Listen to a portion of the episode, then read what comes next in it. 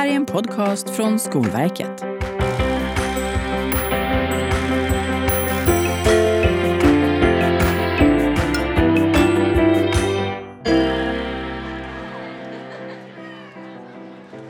Det är ju ett speciellt år för demokratin i Sverige i år. Vi firar att det är 100 år sedan som kvinnlig rösträtt slutligen klubbades igenom i riksdagen. Och för att uppmärksamma det här jubileet så har Skolverket, Skolinspektionen, Specialpedagogiska skolmyndigheten och Skolforskningsinstitutet gått ihop för att göra den här poddserien på tre avsnitt. Där vi diskuterar just skolans demokratiska utveckling under de här hundra åren. Och dagens avsnitt handlar om elevers rättigheter och inflytande. För fram till 1958 var det faktiskt helt okej okay för en lärare att ge elever en örfil om de nu kände för det. Och sen dess så är det ju tack och lov förbjudet. Idag skyddas elever mot olika sorters kränkande behandling både i skollagen, i diskrimineringslagen och i barnkonventionen. Dessutom så har ju eleverna också rätt att få inflytande över hur deras utbildning ska se ut. Så det är mycket som har förändrats på hundra år och det mesta, om inte allt, skulle nog chocka dåtidens lärare. Vi ska lära oss mer om den här historiska resan, hur den har sett ut och vi ska prata om elevers utökade rättigheter och vad det innebär i praktiken. Och det ska vi göra med våra gäster. Jag säger välkommen hit till Madeleine Hultkrantz, rektor på Kungsskolan i Örkelljunga och utvecklingsledare i Örkelljunga. Hej! I en studio i Örkelljunga just nu. Här i studion i Stockholm där har vi Kiara Bergmark från Elevernas riksförbund. Hej! Tack så mycket för att jag får vara här. Och Mårten Pettersson, barn och elevombud på Skolinspektionen. Hej, tack för att jag får komma. Varmt, varmt välkomna hit. Jättetrevligt att ha er här allihopa. Sandra Gelé heter jag som är samtalsledare idag. Kiara, kort, hur uppfattar du att elever har det idag generellt när det kommer till deras rättigheter? Det ser väldigt olika ut och det är ett sånt där tråkigt standardsvar som jag kommer ge, men det är så. Det ser väldigt olika ut, men genomgående ser vi att elever har väldigt dålig koll på sina rättigheter. Och är det så att de är medvetna om vilka rättigheter de har, ja då är det sällan de vet vart de ska vända sig om en rättighet kränks. Så det ser väldigt olika ut, men det finns ja, såväl positiva som, som negativa aspekter att diskutera där. Är det något specifikt du tänker på som... Som brister? Mm. Ja. Um, ganska genomgående ser vi att elever inte får det inflytande och den, får vara delaktiga i sin uh, utbildning till den grad som de har rätt till. Och att det är väldigt, ja, men ser väldigt olika ut med hur bra koll man har där. Framförallt det tänker jag på. Madeleine och Mårten, om jag vänder mig till er. Minns ni den här biten från er egen skolgång? Pratades det om rättigheter då? Ja, alltså nu var det ju nästan stenåldern jag gick i skolan, höll jag på att säga, men jag kan inte minnas att man på något sätt pratade om, om de rättigheter man hade som elev.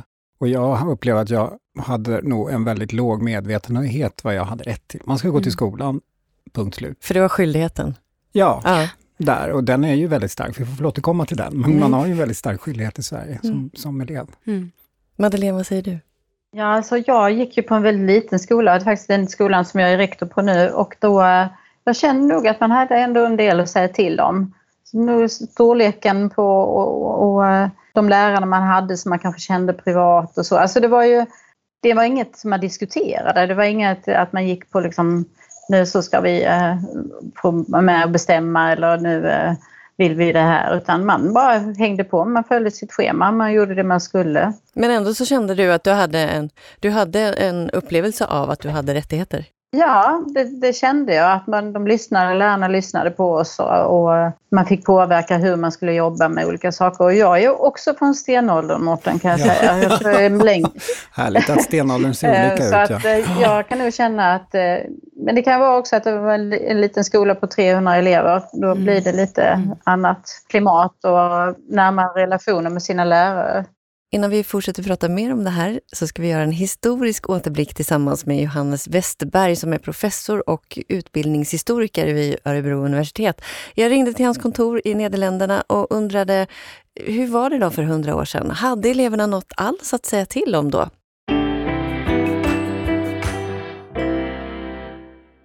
Det viktiga här är väl kanske att tänka att det är så självklart idag att vi formulerar skola och utbildning i termer av rättigheter. Mm. Men vid den här tiden för omkring hundra år sedan så formulerade man snarare i termer av en skyldighet för barnen. Barnen hade en skyldighet att gå i skolan, att lära sig det som lärare ville lära dem. De hade en skyldighet att vara artiga, att sitta stilla, att lyda läraren. När började man prata om rättigheter? Alltså det är någonting som växer fram, för liksom den tidiga 1900-talets skola är mer en skola där barnet inte står i centrum, utan där skolan, läraren och läroboken är det centrala. Men med liksom 1900-talets samhälleliga och kulturella förändringar med minskade sociala och ekonomiska skillnader så minskar just det här hierarkiska synsättet och man börjar lägga mer betoning vid delaktighet eh, och elevernas intresse. Fanns det kritik mot den utvecklingen som du ändå nämner? Det mesta samhällsförändringar och också skolförändringar har ju förstås motståndare. Inte minst bland vissa grupper av läroverkslärare fanns en rädsla att dess ökade betoningen vid barns och elevers intresse och rättigheter skulle innebära en sänkt kvalitet i undervisningen där de inte skulle uppnå de höga målen som tidigare stadgor hade satt. Varför då? Har man en hierarkisk syn på samhälle och skola så tänker man sig just att lärare vet bäst, inte bara om vilka mål som ska sättas utan om hela undervisningsprocessen. Och då är det också de som bör bestämma hur processen ska se ut, mm. till och med in i minsta detalj. Du nämner kritiken här, men om vi tittar på liksom förespråkarna för att vi skulle se barn på ett annat sätt som eh, både hade skyldigheter men framförallt rättigheter. Hur resonerade de?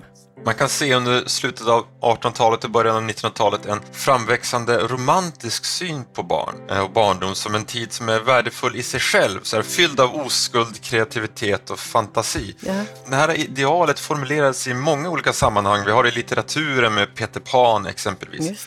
I skolan så tänkte man sig då att man behövde anpassa skolan till det här kreativa, fantasifyllda barnet. Och för att göra det, för att kunna anpassa sig till det här Peter Pan-barnet på ett avseende, så behövde man liksom en, en läroplan som gav utrymme för barns egna intressen, som odlade deras kreativitet. Vilka ser du som de främsta milstolparna som lett till elevers stärkta rättigheter och inflytande i skolan? Det, det, finns många här och en av de senaste är förstås barnkonventionen från 1989 rätten till icke-diskriminering, rätten till liv, överlevnad och utveckling och så vidare. Men i svenskt fall skulle man framhålla 1947 års skoldisciplinutredning där man liksom gick från ett sätt att föreställa sig skolan och skolvardagen i termer av ordning, disciplin och tvång till att istället förespråka vikten av delaktighet och förtroende som viktiga aspekter av relationen mellan lärare och elev. Grundskolereformen är förstås att betrakta som tämligen avgörande eftersom den innebar att alla svenska barn skulle gå i samma skola och ges samma förutsättningar. Och i grundskolereformen så betonas också det som vi ofta inkluderar när vi pratar om en demokratisk skola. Det handlar om människans egenvärde, barnets personliga integritet och barnens aktiva deltagande i undervisningen. Hur tror du att en lärare för hundra år sedan skulle klara sig i dagens skola om den bara damp ner i ett klassrum 2021? Bortsett från att bli överraskad över liksom vad, vad, som händer med mobiler och sådana där skärmar eh, så måste det te sig som väldigt verklighetsfrämmande för en sån lärare. Ja. Eh, så i termer av demokrati så tror jag att i vissa avseenden så tror jag att läraren skulle tycka att det var enklare att vara i klassrummet idag. Mm eh, jag tror att dagens barn är mycket enklare att hantera än sekelskiftets barn som kunde röka, som kunde ha yrkeserfarenhet. Tänk att undervisa barn som har yrkeserfarenhet och som ofta tvingades klara sig mycket själva under eftermiddagar och kvällar. Det kunde nog vara ganska tufft. Tack snälla Johannes för att du var med och pratade om elevers rätt till inflytande och hur det såg ut för hundra år sedan. Tack! Tack själv!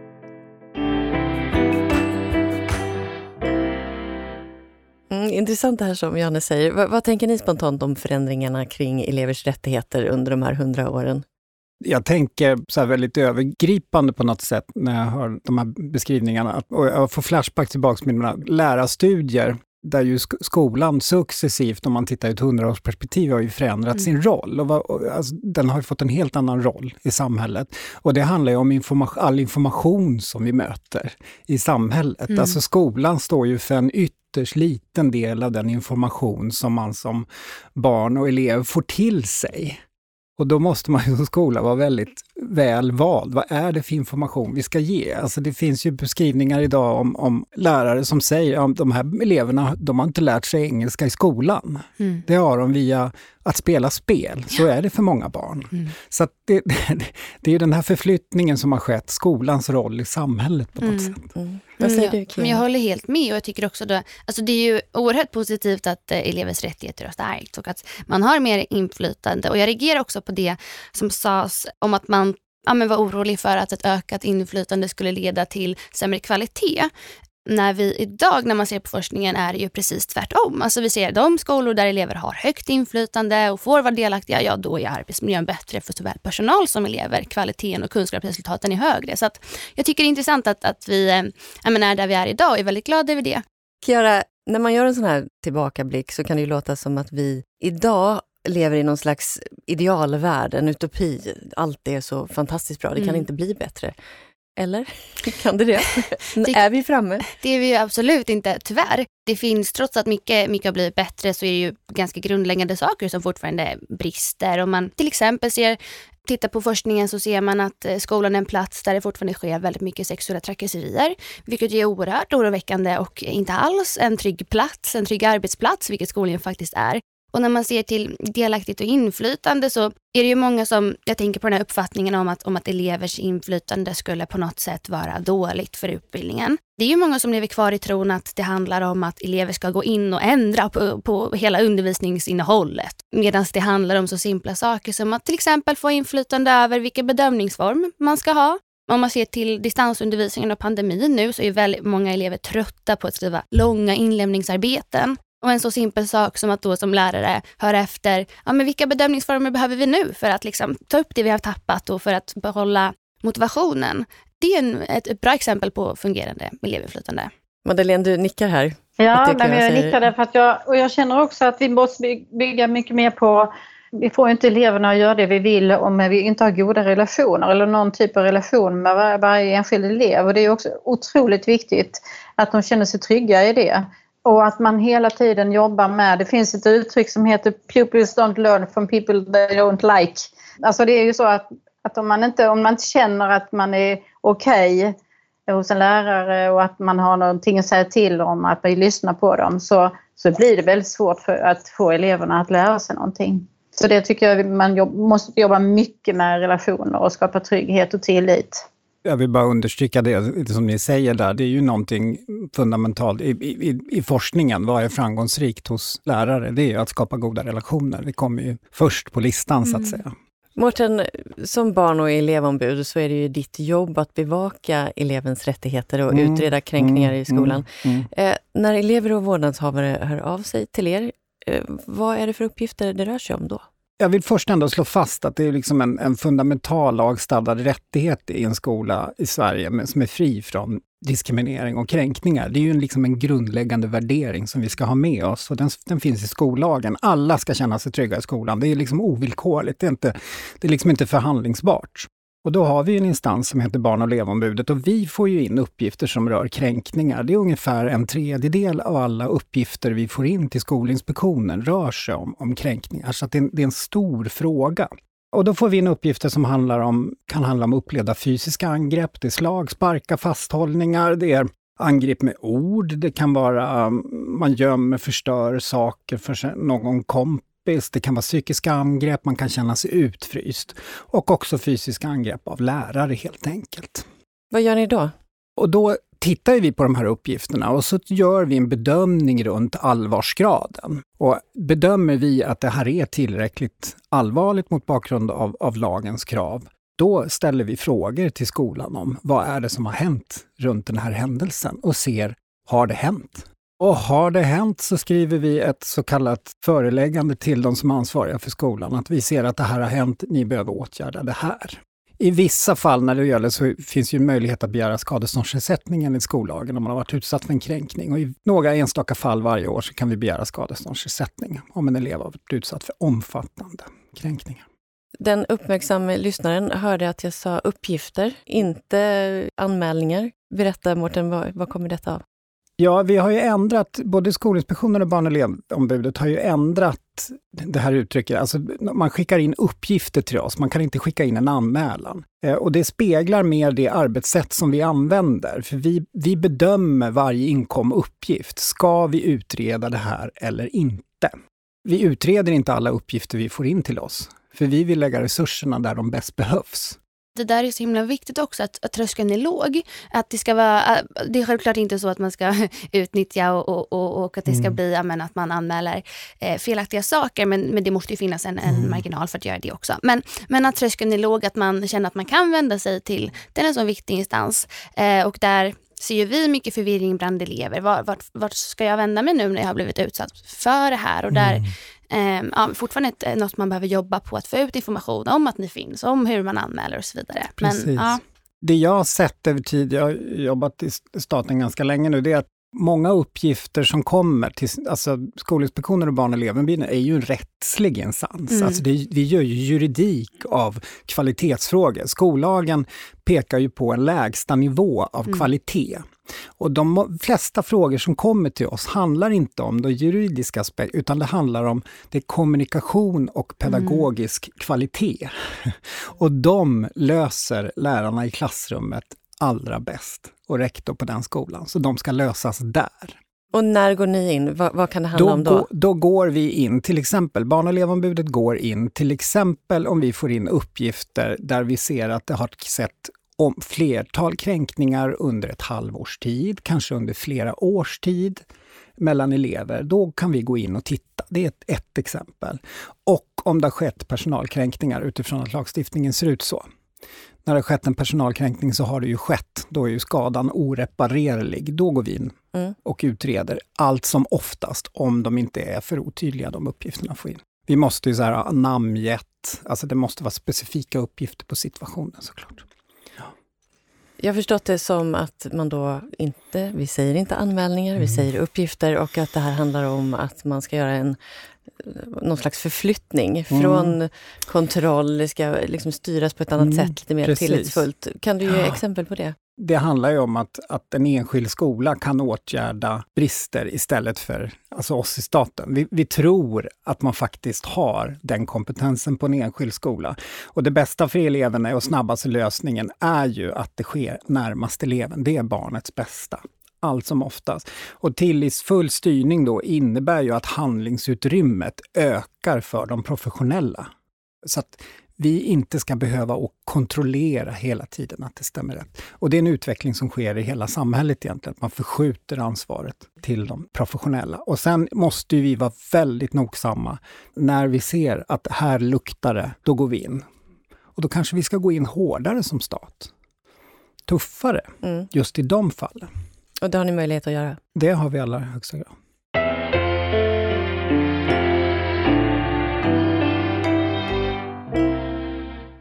Idag är ju det här med elevers grundläggande rättigheter ganska självklart. Det är självklart för oss runt bordet.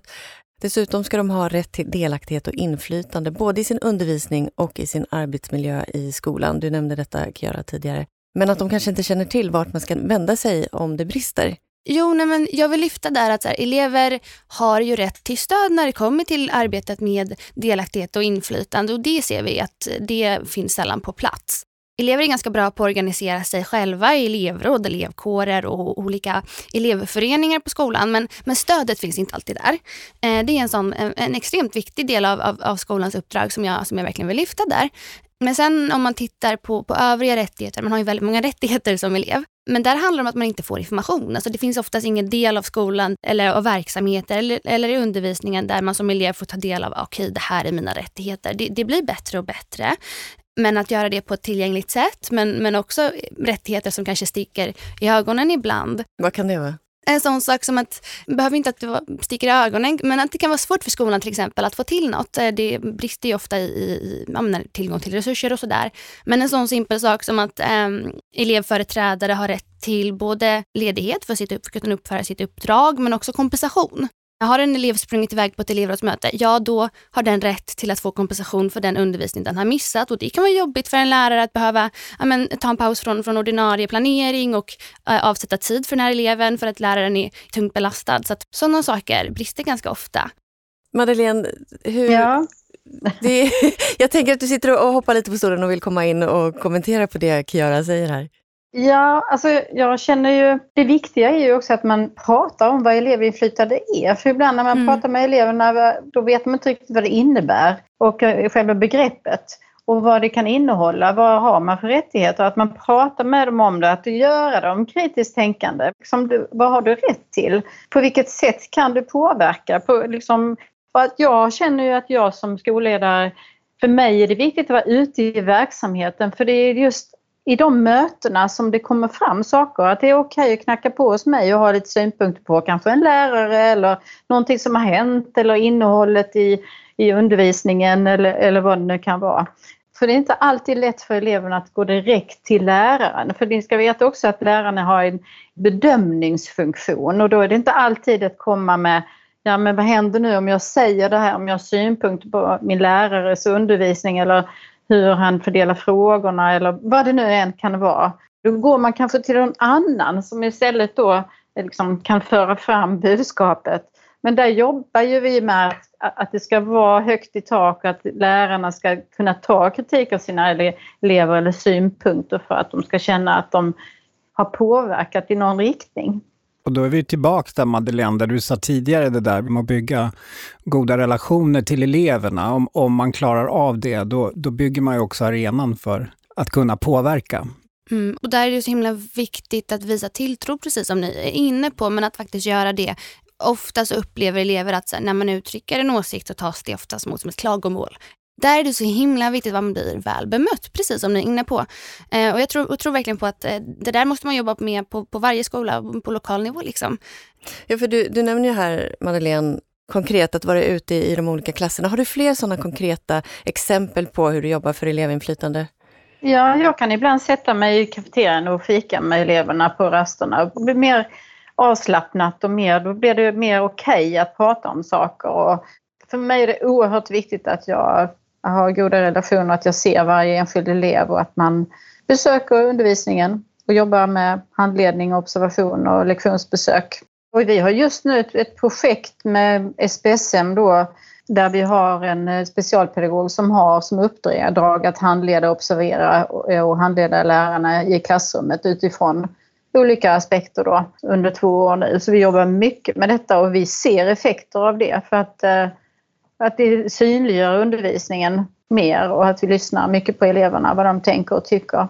Och de måste ju också förstå vad som är uppdraget hos läraren. Men om vi vänder på det nu då. Vad har elever för skyldigheter? Jag, jag tänker att Sverige är ju faktiskt lite unikt i ett världsperspektiv. Vi har skolplikt.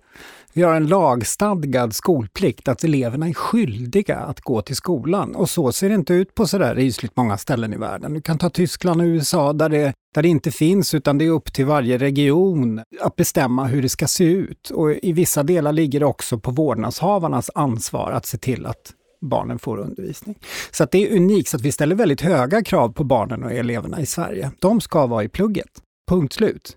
Och med det följer ju en självklarhet som jag ser det. Vår skyldighet då, dels jag som sitter och företräder lagen och skolan, att faktiskt ge alla elever den undervisning de behöver i en trygg och kränkningsfri miljö. Det, det är tämligen självklart, den kopplingen. Det är ju som Mårten säger, man har ju skolplikt som elev. Och det är väl den främsta skyldigheten man har och med den kommer eh, en del andra. Men jag tänker också att man elev, vi brukar prata om att elever är rättighetsbärare. Det vill innebära att man har en skyldighet som elev gentemot andra elever. Och att för att man ska kunna ja, men uppfylla sina skyldigheter måste man ju också ha kunskap om vilka rättigheter som råder och vilka skyldigheter som råder. Så återigen vill jag koppla till att elever måste få, få koll på sina rättigheter och skyldigheter i mycket högre utsträckning än vad de har idag. Men eh, jag, jag, tänker också, vi får ju fler, eh, vänder till Mårten, vi får ju fler och fler skolpliktsutredningar i skolan faktiskt, att det ökar. Eh, beroende på mående och annat, att eh, elever inte fixar att gå en hel dag i skolan utan att man måste, och där strider jag ju jättemycket för att eh, man eh, har ju rätt till undervisning och dessutom så har man ju olika lagar eh, som styr skolplikten och vad föräldrarna har för skyldigheter också eh, gentemot det. Men vi jobbar ju också nu med, med ett annat projekt, om jag nu får nämna det, med Dembra som är, är ett systematiskt arbete kring demokrati, demokratiberedskap mot rasism och antisemitism. Och det är ju också men tillsammans med Skolverket och det är ju också skyldigheter där. Vi pratar mycket skyldigheter och rättigheter för eleverna men just det här skyldigheten att bete sig, hur vi beter oss mot varandra och hur vi, vi jobbar med olika delar av barnkonventionen och andra eh, delar, också Skolverket och Forum för levande historia som är inblandad. Så där pratar vi också skyldigheter som man har som elev gentemot andra elever och andra vuxna i skolan. Tack Kiara, Madeleine och Mårten för att ni var med oss här idag. Gå gärna in på skolverket.se och läs mer om demokrati och skolans demokratiarbete. Det här var den andra av tre poddar där vi har just pratat om detta. Lyssna gärna på de övriga poddarna och ha det så gott så länge.